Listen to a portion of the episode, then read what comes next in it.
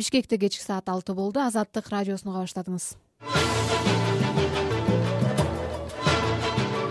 арыбаңыз кадырман угарман үчүнчү февраль жума күнкү таңкы уктуруу кечки уктурууларды кечиресиздер. Бишкектен баштайбыз студияда бактыгүл чыныбаева.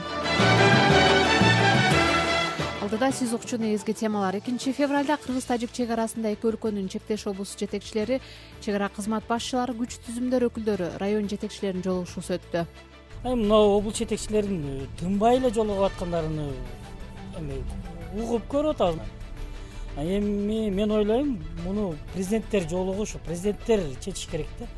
Кыргызстанда фейк жана манипуляцияга каршы күрөшүү үчүн жети реакция биригип чеккит медиа аттуу жаңы платформа түздү. Жогорку кеңеште санарип өнүктүрүү министри талантбек иманов менен дастан ишканасынын мурдагы башчысы эңириде энергетика тармагындагы ири коррупциялык схемаларда аты аталган алексей шишовдун байланышы тууралуу дагы маселе көтөрүлдү цифровизация министрлигине талант имановду койдуңар. Мына ушул коррупционный деятельность башталды. Бул под четким руководством шишова болуп атат алдыда ушул жана башка темадагы эл аралык жергиликтүү баяндарды угасыз биздин толкунда туруңуз. Алгач өлкө ичиндеги жана дүйнөдөгү акыркы кабарларды бакыт төрөгелди айтып берет. Саламатсызбы? Азаттык радиосуна байланыштуу маселе үчүнчү январда бишкекте өткөн коомдук ишмер публицист табалды эгембердиевди эскерүү иш чарасында көтөрүлдү. Кыргызстандын мурдагы акыйкатчысы турсунбек акун азаттыктын жабылышына каршы экенин айтып бийликти сөз эркиндигин демократияны сыйлоого чакырды. Тарыхчы тынчтыкбек чоротегин эгембердиевдин кыргызстанда демократиянын кыртышын бекемдөөгө эмгегин белгилеп жыйынга катышып отурган маданият маалымат спорт жана жаштар саясаты министри алтынбек максутовго азаттыкты жабуу аракетиңерден кайткыла деп кайрылды маданият министрлиги азаттык медианы жабуу аракетин көрүп соттук териштирүүлөр жүрүп жатат. Министрлик буга эркин европа азаттык радиосунун дагы бир кызматы настоящее время телеканалынын сайтына чыккан видео материал негиз болгонун билдирүүдө. Азаттык бул материалда журналисттик стандарттар сакталганын жана мыйзамга каршы эч нерсе жок экенин билдирип келет. Министрликтин кадамын бир катар эл аралык жана жергиликтүү уюмдар коомдук ишмерлер медиа серепчилер сындап жатышат кемпирабад иши боюнча дагы бир жарандык активист темир махмудов бишкектеги номер биринчи тергөө абагына жыйырманчы февралга чейин камалды мындай чечимди экинчи февралда бишкектин биринчи май райондук соту чыгарганын мекеменин басымсыз кызматы ырастады. Ушуну менен кемпир абад ишине байланыштуу кармалгандар жыйырма тогуз кишиге жетти алардын жыйырма алтысы тергөө абагында үчөө үй камагында жатат. Былтыр жыйырма үчүнчү жыйырма сегизинчи октябрда кыргызстанда оппозициялык маанайдагы бир топ саясатчы укук коргоочу активист жана блогер жалпысынан отуздай адам жапырт камалган кылмыш ишин козгоого алардын кемпир абад суу сактагычы боюнча жыйырма экинчи октябрда бишкектеги кафелердин биринде өткөргөн жыйыны негиз болгону айтылган. Ички иштер министрлиги шектүүлөрдүн айыбы боюнча далилдер жетиштүү экенин билдирген. Камалгандар мунун баарын саясий куугунтук деп келишет. Кумтөр компаниясынын эки миң жыйырма биринчи жылдын май айынан эки миң жыйырма экинчи жылдын июнь айына чейинки ишмердигинин аудиттик отчету чыкты эсеп палатасынын отчету мекеменин сайтына жарыяланды. Анда эки миң жыйырма экинчи жылдын январь айынан июнь айына чейин кумтөр компаниясы улуу көчмөндөр мурасы улуттук холдингин каржылоого бир бүтүн ондон тогуз миллион доллар короткону аныкталган. Бул каражаттын басымдуу бөлүгү бир миллион жүз кырк сегиз миң доллар чет элдик адистердин айлыгына кеткен жаңы кеңсенин ижарасына он миң доллардан ашык каражат жергиликтүү адистердин маянасына төрт жүз жети миң доллардан көп каражат сарпталган келишимдик негизде иштегендерге жүз жетимиш беш бүтүн ондон сегиз миң доллар төлөнгөн кумтөр эки миң жыйырма биринчи жылдын май айынан эки миң жыйырма экинчи жылдын июнь айына чейин кеңселерине эмерек алуу дизайнын иштеп чыгууга эле эки бүтүн ондон үч миллион доллар короткон. Эсеп палатасы улуу көчмөндөр мурасы холдингин каржылоого байланыштуу чечимдердин баардыгын тенгиз бөлтүрүк кабыл алганын долбоорлор ишке ашпай калгандыктан кумтөрдүн жалгыз акционер болгон кыргыз алтын чыгымга учураганын белгилеген. Тенгиз бөлтүрүк былтыр сентябрда камалган жана башкы прокуратура ага кумтөрдөгү коррупцияга байланыштуу айып тагып мамлекетке бир миллиард сомго жакын зыян келтиргенин билдирген. Ал өзүнө коюлган айыптарды четке кагып келет президент садыр жапаров улуу көчмөндөр мурасы улуттук холдингинин эки миң жыйырма биринчи жылдын аягында түзгөн э, холдингдин башына тенгиз бөлтүрүк дайындалып бирок ал бир жылга жетпей кайра камакка алынганы белгилүү эл аралык кабарлардан согуш башталгандан бери украинада он үч миңден ашуун орусиялык набыт болду. Алардын тогуз жүз жыйырма төртү мобилизацияланган. Бул тууралуу британиянын bbc каналынын жана орусиялык медиа зона басылмасынын ыктыярчылар тобу менен бирге жасаган иликтөөсүндө айтылат. Журналисттердин үчүнчү февралдагы маалыматына ылайык акыркы үч айда каза болгондордун көбү мобилизацияланган. Ыктыярчылар жана абактан согушка баргандар. Соңку жумада эле украинада беш жүз орус жараны өлгөнү тууралуу маалымат такталган былтыр жыйырма төртүнчү февралда президент э, владимир путиндин буйругу менен орус күчтөрү украинага басып кирген. Бул аралыкта миңдеген карапайым тургун набыт болду. Киев майданда он үч миңдей жоокери көз жумганын былтыр жыл соңунда билдирген. Орусиянын коргоо министрлиги акыркы жолу жыйырма биринчи сентябрда согушта алты миңдей аскерин жоготконун маалымдаган. Пентагон орус армиясынын жоготуулары өлгөндөрдү жана жаракалгандарды кошкондо жүз миңден көп деп эсептеген. Бул маалыматты көз карандысыз булактардан э, бышыктоор. Акшнын каржы министрлиги санкцияны айланып өтүп орусиянын аскердик өндүрүштүк комплексине жардам берген он кишини жана он эки компанияны кара тизмеге киргизди. Алардын арасында өзбекстандын жараны да бар. Акшнын каржы министринин орун басары уолли эдеэмонун баяндамасында айтылгандай зименков түйүнү деген аталыштагы топту израилдин жана орусия жараны игорь зименков жетектейт. Анын үй бүлөсүнүн айрым мүчөлөрү санкцияга кабылган ростекс жана росо бронеэкспорт корпорацияларын колдошот. Бул түйүндө кипр да катталган э, мета лимитед компаниясынын директору өзбекстандык макс борисович пифлакс жана анын уулу гилат пифлакс бар. Ошол эле маалда гилат пифлакс израилдин жараны экени айтылат. Эл аралык футбол федерациясынын машыктыруучусу даниэль лимонес кыргызстандагы футболго кызыккан таланттуу өспүрүмдөрдү машыктыра баштады. Испаниялык лимонес бишкекке фифа талант программасынын алкагында келген. Бул тууралуу кыргыз футбол бирикмеси экинчи февралда расмий интернет баракчасына чыгарды. Лимонес февраль айынан июлга чейин эки өспүрүмдөр командасын машыктырат. Рахмат жаңылыктарды бакыт төрөгелди айтып берди. Кабарлардын толук топтому интернеттеги азаттык чекит орг дерегинде сайтыбызга кире албай атсаңыз анда vpn деген платформанын ичинде тиркемелерди жүктөп алып кирсеңиз болот. Эми эртеңки күнгө карата аба ырайы тууралуу маалымат кыргыз гидромет борбору кабарлагандай төртүнчү февралда чүй ош жалал абад нарын областарынын көпчүлүк аймактарында талас баткен ысык көл областарынын айрым жерлеринде жаан кар тоолуу райондордо кар жаашы ыктымал жолдор тайгак болот. Чүй түнкүсүн минус үч эки күндүз эки жети таласта түнкүсүн минус үч минус сегиз күндүз төрт тогуз баткен ош жалал абад аймактарында түнкүсүн минус бир төрт күндүз жети он эки градус жылуу. Ысык көлдө түнкүсүн нөл минус беш күндүз эки жети нарында түнкүсүн минус он минус он беш күндүз минус бир минус алты градус суук болот. Бишкекте түнкүсүн кар э, жаайт күндүз да жаан жаабайт деп билдирип жатат синоптиктер. Түнкүсүн минус бир бир күндүз төрт алты градус нөлдөн жогору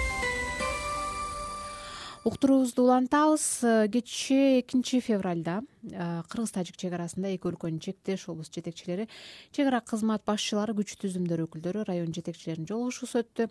Чек арада кырдаал талкууланып маселелерди сүйлөшүү жолу менен чечүү тынчтыкты сактоо багытындагы иш чараларды өткөрүү жана калкка түшүндүрүү иштерин жүргүзүү макулдашылды аймактан кесиптешим жеңиш айдаров баянын угалы кыргызстан менен тажикстандын чектеш эки облус башчыларынын жолугушуусу экинчи февралда баткен облусунун лейлек районунда кыргыз тажик чек арасында өттү. Жолугушууга баткен облусунун жетекчиси абдыкарим малимбаев менен тажикстандын согди облусунун башчысы раджоббой ахмадзода эки өлкөнүн чек ара кызматынын башчылары ууларбек шаршеев менен ражабали рахмонали жана эки тараптын күч түзүмдөрүнүн өкүлдөрү чектеш районунун акимдери катышты. Президенттин баткен облусундагы ыйгарым укуктуу өкүлү абдыкарим алимбаев азаттыкка билдиргендей жолугушууда чек арадагы кырдаал талкууга алынып үч маселе макулдашылды. Кыргыз тажик чек арада кырдаалды талкууга алдык. Андан соң үч маселе боюнча макулдашууга алдык. Э, биринчиси болуп бул чек ара аймактарында пайда болгон көйгөйлүү маселелерди сүйлөшүүлөр менен гана чечүү экинчи э, маселе болуп эки миң жыйырма үчүнчү жыл жыйырма үчүнчү жыл ичинде тынчтыкты сактоо багытында биргелешкен иш чараларды өткөрүү э, бул иш чаралар областтын деңгээлинде дагы жана райондордун деңгээлинде дагы болуп өтөт. Э, үчүнчү маселе болуп эки областта тең чек арага жакын жашаган жашоочулардын арасында түшүндүрүү иштерин жүргүзүү боюнча сүйлөшүүлөр болду. Эки облус башчыларынын макулдашуусу боюнча атайын биргелешкен иш чаралардын жадыбалы да бекитилди. Аны аткарууга алуу үчүн жергиликтүү бийлик башчыларына талаптар коюлуп жазгы талаа иштеринин алдынан суу талашы жер иштетүү сыяктуу маселелерди жеринде чечүү жоопкерчилиги да жүктөлдү дейт. Жолугушууга катышкан баткен району акими учкунбек жоробаев идеологиялык мааниде карым катнашты калыбына келтирүү достукту калыбына келтирүү ушундай иш чаралар аксакалдарды жолугуштуруу даныбаларды жолугуштуруу аялдар комитеттери ошолорду жолугуштуруу ушу наурузда биргеликте бир иш чара кылсакпы дегендей ушундай иш чаралар да кыскасы. Анан элдердин маанайы жерликтерге карата ар түрдүү эле мисалы үчүн бир жерде жакшы эмеде болсо мамилени түзүш керек угдулуш керек десе кээ бирки жерлерде вообще мамилени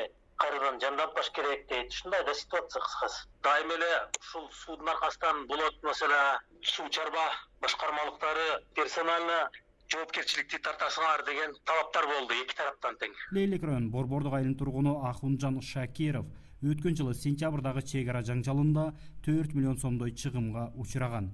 Эми ишкерлигин кайра жандантып чыгымдарды толтуруп мурдакы жашоого кайтыш үчүн тезирээк мамилелер калыбына келсе сүйлөшүүлөрдөн натыйжа болсо экен дейт. Жаңжал болгон учурда иш жакшы эди. Эки тараптын туугандары эми чыгып бизде продуктылар арзан жакшы мамиле жакшы эди билбедим ушундай немелер болуп кетти тынчтык болсо ошо чек ара маселесин тезирээк чечилсе үйдөн нормальный эле отурабыз да башка жака кетишке неме жок.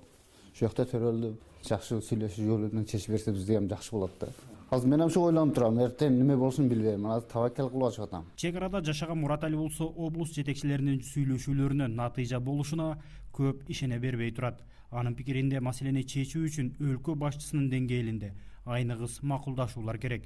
Тынчтыкка кепилдик болсо деген пикирин айтат. Мисалы үчүн мына сентябрда болгон окуяда дагы жолуккандан эртеси күнү атышып чоң уруш болуп кетпедиби эми мына облус жетекчилеринин э, тынбай эле жолугуп аткандарын эми угуп көрүп атабыз эми мен ойлойм муну президенттер жолугу ушу президенттер чечиш керек да. Бул жергиликтүү бийликтегилер сүйлөшүүдөн э, мындан бир жыйынтык чыкканды э, эл көрбөй атат.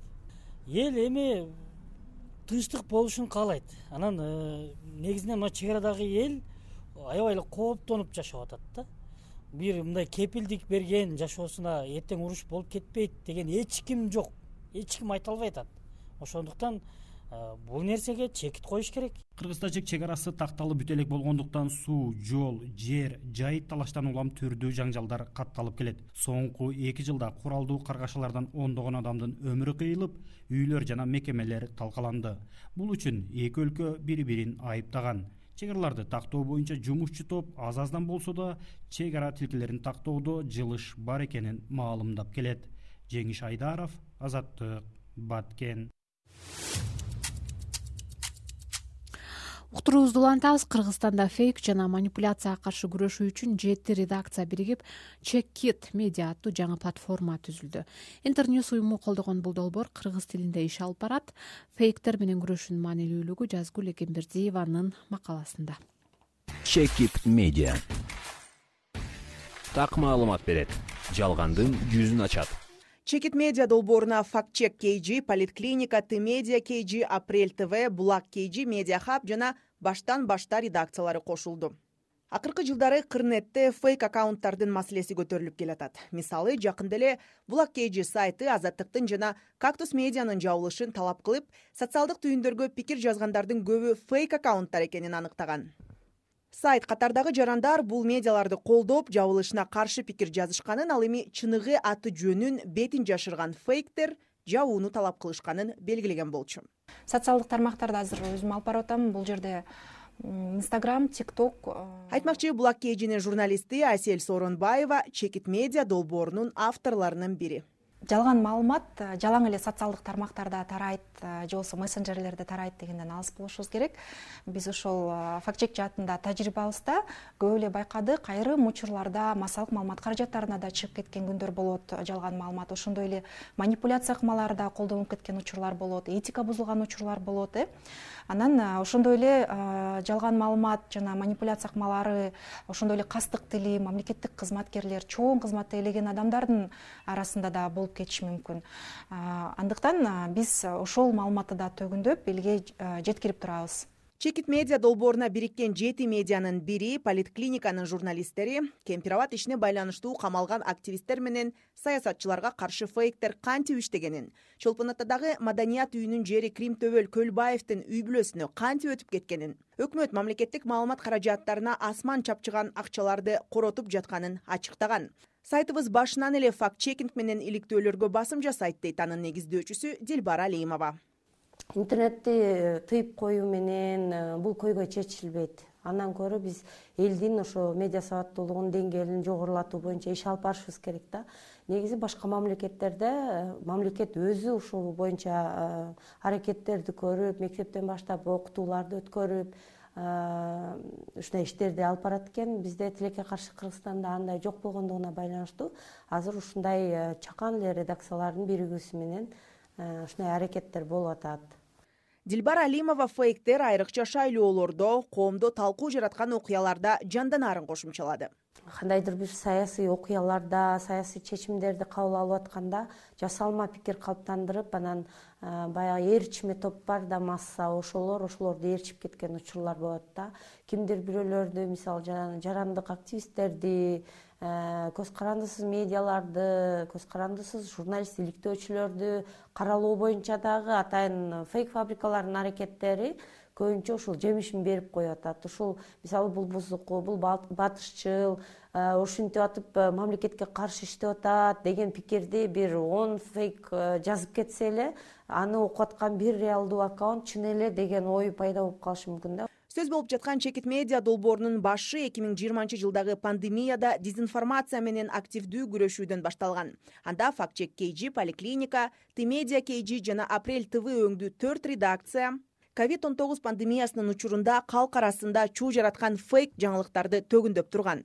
Дезинформацияга каршы күрөш уланып эки миң жыйырманчы жылкы шайлоо учурунда күч алган манипуляция саясий кризис жана кара пиарга каршы жүргөн. Мындан тышкары факт чекерлер кыргызстан менен тажикстандын ортосундагы жыйырма биринчи жыйырма экинчи жылкы чек ара жаңжалдарындагы фейктерге каршы ыкчам күрөшкөн бүгүнкү күндө фейктерге каршы иш алып барган жалпыга маалымдоо каражаттарынын саны өсүп жогоруда аталган төрт редакцияга дагы үч платформа кошулуп чекит медиа долбоору түзүлүп отурат. Э, бул иш январдан башталды аны интерньюстун к медиа долбоору колдоп жатат жазгүл эгембердиеванын баянын уктуңуз урматтуу угарман азаттык радиосунун үчүнчү февраль жума күнкү кечки уктурууларын бишкектен мен бактыгүл чыныбаева алып баруудамын. Ушул саатка карата жаңылыктардын кыскача мазмунунан кийин уктуруубузду улантабыз азаттык радиосуна байланыштуу маселе үчүнчү январда бишкекте өткөн коомдук ишмер публицист абалды эгембердиевди эскерүү кечесинде көтөрүлдү. Кыргызстандын мурдагы акыйкатчысы турсунбек акун азаттыктын жабылышына каршы экенин айтып бийликти сөз эркиндигин демократияны сыйлоого чакырды. Кемпир абад иши боюнча дагы бир жарандык активист темир махмутов бишкектеги номер биринчи тергөө абагына жыйырманчы февралга чейин камалды эсеп палатасы кумтөр улуу көчмөндөр мурасы холдингине бир бүтүн ондон тогуз миллион ошондой эле жаңы эмеректерди алууга эки бүтүн ондон үч миллион доллар коротконун аныктады. Өзбек жаран акшнын антиорусиялык санкциясына киргизилгени маалым болду. Ал арада согуш башталгандан бери украинада он үч миңден ашуун орусиялык набыт кетип алардын тогуз жүз жыйырма төртү мобилизацияланганын bbcнин э, журналисттери аныктады уктуруубузду улантабыз. Казакстандын туңгуч президенти нурсултан назарбаевдин иниси болот назарбаев дээрлик үч жүз миң гектар жер аянтынан кол жууду бул кабарды укук коргоо органдары эмес нурсултан назарбаев түптөгөн аманат партиясынын жетекчилиги жарыялады. Партиянын башчылары белгилүү фигура же анын капчыгынын калыңдыгы шектүү жол менен алынган жер тилкелерин мамлекетке кайтаруу аракетине тоскоол боло албай турганын билдирүүдө. Элбира будайчиеваны уксак жыл башында алматыдагы ири базарынан кол жууган болот назарбаев эми гектарлаган жер аянтынан да ажырады. Экс президент нурсултан назарбаев бийликте турган маалда иниси болот казакстандын ар кайсы аймактарындагы көп жер тилкелерин ээлеп алганы кабарланып келген. Буга чейин ал каскелең талгар астана жана түркистан областтарында эки жүз кырк төрт миң гектар аянтынан кол жууган эми бул жолу болот назарбаевдин маңгыстау жана жамбыл облустарындагы дагы үч жүз гектардай жери мамлекетке өткөрүлдү. Эң кызыгы бул ишке туңгуч президент назарбаев өзү түптөгөн мурдагы нур отан азыркы аманат партиясы жигердүү катышууда биздин партиябыздын башкы миссиясы мыйзамсыз жол менен колго өтүп кеткен улуттук байлыкты мамлекетке кайтаруу. Бул ишти туруктуу түрдө жүргүзөбүз адилеттүүлүктүн орношуна белгилүү фамилиялар алардын сиңирген эмгеги жана капчыгынын калыңдыгы тоскоол болбойт. Элден тартып алдыңарбы кайтарасыңар. Деди аманат партиясынын мамлекеттик башкарууну өнүктүрүү жана коррупцияга каршы күрөшүү боюнча кеңешинин төрагасы эрлан саиров. Коңшу казакстандын туңгуч президенти түптөгөн партия мындай риториканы бекеринен колдоно баштаган жок. Анткени март айында парламенттик шайлоо келатат саясаттануучу димаш алжанов бул ыкма менен алдын ала упай топтоо аракети болуп жатканынан күмөн санабайт. Анын айтымында аманат партиясынын баардык аракеттеринин артында президент касым жомарт токаев өзү турат. Расмий билдирүүлөрдө кайсы бир мүлк мамлекетке кайтарылды алар күмөндүү жолдор менен алынган деген сөздөр колдонулганы менен бул окуяларга байланыштуу кылмыш иши козголгону же козголбогону белгисиз бойдон кала берүүдө. Есть эмоциональная потребность в справедливости адилеттүүлүккө болгон эмоционалдык муктаждык бар. Бирок бул адилеттүүлүк юридикалык факт же мыйзамдык процедура түрүндө камсыздалган жок. Бизге акыйкаттыкты маалыматтык ыз учуу түрүндө сунуштап жатышат. Айтайын дегеним бул манипуляция. Анткени казакстанда социалдык адилеттүүлүктү орнотуу мыйзамсыз келишимдерди кайра карап чыгуу менчиктештирүү жана капиталды чыгарып кетүү маселеси боюнча олуттуу өнөктүк жок эч кандай негиз жок сот жок парламент жок эч нерсе жок. Болгону мүлктү кайра бөлүштүрүү болуп жатат. Передел собственности. Дейт казакстандык саясаттануучу димаш алжанов аманат партиясы формалдуу түрдө президенттин камкордугунан чыгып ал тургай атын өзгөрткөнү менен казакстандын саясий турмушунда мурдагыдай эле чечүүчү ролду ойноп келе жатат. Бул партия кезинде нурсултан назарбаев башында турган бюрократиялык аппараттын уюгу болсо азыркы президент касым жомарт токаев анын катарынан чыккандан кийин да мындай статусун жоготкон жок. Саясаттануучу газиз абишев партиянын парламенттеги таасири сакталып анын мурдагы ролу ошол бойдон калаарын айтат я думаю что ровно такой менимче аманатка токсон сегиз мандаттын ичинен жетимиш төртүн алуу оңой отурбайт. анткени жаңы атаандаштар бир мандаттуу округдор бар. ал жерде өзүн өзү көрсөткөндөр көп ошол эле учурда казакстанда саясатташкан коомдук катмар бар. бирок анын саны кыйла аз. фейсбуктун гана колдонуучулары. элдин көбү саясатка кызыкпайт казакстане есть. Дейт казакстандык саясаттануучу газиз абишев. Учурда казакстанда жети саясий партия бар. Алардын дээрлик көпчүлүгү президент касым жомарт токаевди колдойт. Өзүн оппозициялык партия катары көрсөткөн жалпы улуттук социал демократиялык партия буга чейин парламенттик шайлоого катышаарын билдирген. Казакстандын шайлоо комиссиясы республика жана байтак аттуу дагы эки жаңы партиялардын азырынча жергиликтүү кеңештердеги шайлоого катышууга уруксаат бергенин билдирди элвира будайчиева азаттык уктуруубузду улантабыз былтыр жыйырма төртүнчү февралда орусия украинага басып кирип кеңири масштабта согуш башталгандан бери киевде биринчи жолу евро биримдиктин барандуу делегациясы катышкан саммит ачылды. Теманы санжар эралиев улантат жума күнү киевде евро биримдик украина саммити башталаарда абадан эскертүү берилип шаар бийлиги жарандарды жакын жерлердеги баш калкалоочу жайларга барууга чакырды. Еврокомиссиянын башчысы урсула фондерлейен баштаган он беш комиссар киевке бейшембиде келген. Жума күнкү жыйындардын күн тартибинде украина элине аскердик финансылык жана саясий жактан колдоону көбөйтүү украинаны биримдикке кабыл алууга байланышкан маселелер бар европа биринчи күндөн тарта украина тарапта турду. Анткени биздин континенттин келечеги азыр жазылып атканы түшүнүктүү. Силер өз тагдырыңар үчүн гана кармашып жаткан жериңер жок. Биз аны билебиз. Бул жерде эркиндик үчүн демократиянын авторитардык режимдерге каршы күрөшү жүрүүдө. Путин украинаны жок кылам деп орусиянын келечегин тобокелге салып атат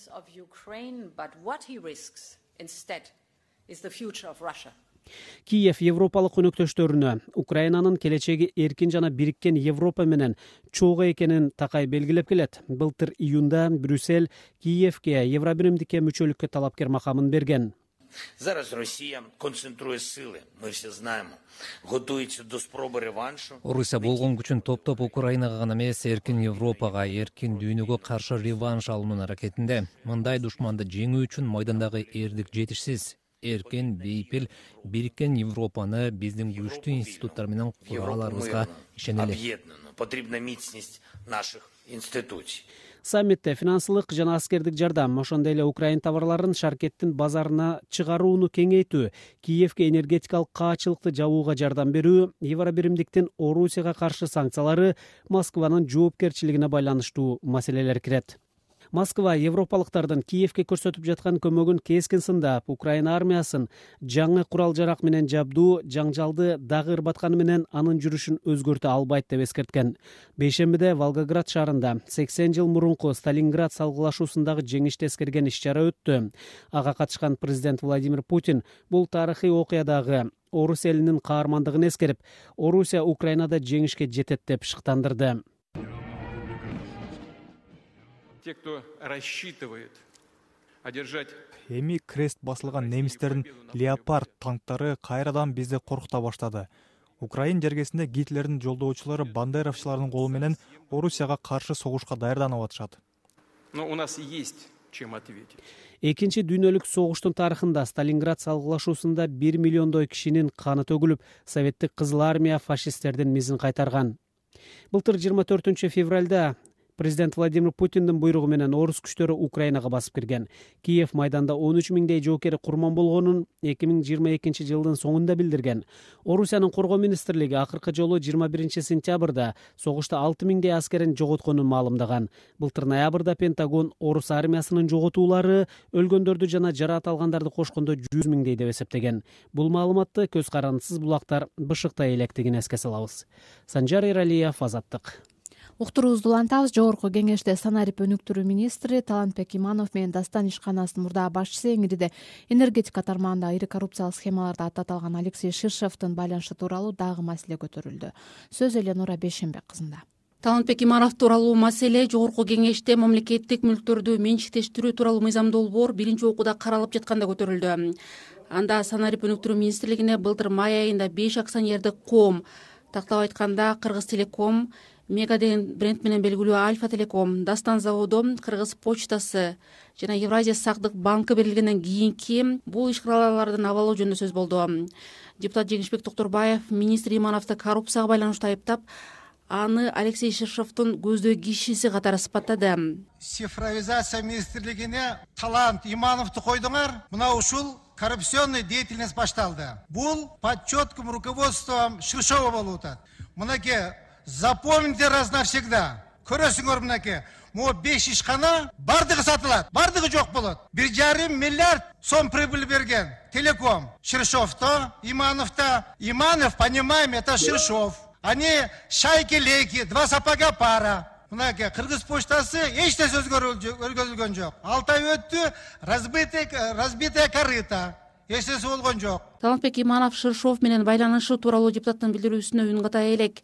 Санарип өнүктүрүү министрлигинин басма сөз кызматы министр менен бул мекеме жөнүндөгү сөздөрдү каралоо деп атады парламенттин бул жыйынында дагы бир депутат алишер козуев санарип өнүктүрүү министринин орун басары абдисамат сагынбаевдин бул ишканалар мамлекеттик мүлктү башкаруу фондунан министрликке өткөн себебине кызыкты. Ошондой эле андан берки өзгөрүүлөрдү сурап май айынан тарта стратегиясы гана жазылганын сынга алды азыркы күндө биз стратегияларын разрабатывать этип аларды кийинки жылдардан баштап кирешелерин көбөйткөнгө аракет кылып атабыз. Жасап аткан жумуштарын өзгөрткөн жокпуз. Азыркы күндө баардык дүйнө жүзү боюнча цифровизацияда жүрүп атат. Ошол цифровизацияны тездетиш максатында жана мамлекеттик ишканаларды цифровизация багытында жакшы пайдаланыш үчүн ушул ушул кадамга бардык. Кыргыз почтасынын базасында элдерге кызмат көрсөтүүнү ачуу максатыбыз бар. Кыргыз телекомдун дагы мындан ары дагы потенциалдарын көтөрүү иштетүү максатында туруп атабыз. Деди министрдин орун басары сагынбаев өткөн айда социалдык тармактарда алексей ширшов талантбек иманов жана энергетика министри таалайбек ибраев баштаган адамдар чогуу баратканы тартылган сүрөт жарыяланган жана бул кызуу талаш талкуу жараткан. Ибраев ал эски сүрөт экенин он жыл мурда тартылганын билдирген былтыр ноябрда элдик курултайда оппозициялык бириккен демократиялык кыймылдын өкүлү сапар аргынбаев ширшов маселесин козгогон ал президент садыр жапаровго кайрылып анан мурдагы президент курманбек бакиевдин уулу максимдин миллиондогон долларын кайтарууга көмөктөшүү тууралуу убадасын эске салган. Садыр жапаров курултайда бул каражатты кайтарууга ондогон жылдар кетет деген оюн айткан аргынбаев азаттыкка комментарий берип жатып ширшов президенттердин жана алардын жакындарынын тилин таба алган жөндөмү бар деген оюн айтты. Эң жаңы баштаганда акаевдин убагында ошо энергетикада жанагы эски э, оборудование алып келип жаңы деп берип ошентип анан ишке койгон үчүн акча алып жүрүп ошондой команда создавать эткен при бакиеве уже более высокий уровеньга чыгып чет өлкөгө казакстанга эме электр энергия сатып приватизация север электр менен чакан гэстерди приватизация кылып ошого эметкен бүгүнкү күндө бул более высокий уровень алды. Алексей шаршов былтыр майда кармалган жана көп өтпөй эле үй камагына чыккан. Улуттук коопсуздук комитети ал аврора плюс пансионатындагы баасы кымбат ондогон батир жана коттедждердин жеке менчикке өтүп кеткени боюнча козголгон кылмыш ишинин алкагында кармалганын билдирген. Аны үй камагына чыгаруу өтүнүчү менен атайын кызматтын башкы тергөө башкармалыгы сотко кайрылганы белгилүү болгон эленора бейшенбек кызы азаттык. Азаттык радиосунун кечки эфирин уктуңуз. Студияда бактыгүл чыныбаева. Азыр бизден алыстабаңыз. Бир аздан кийин эфирди кайра улантабыз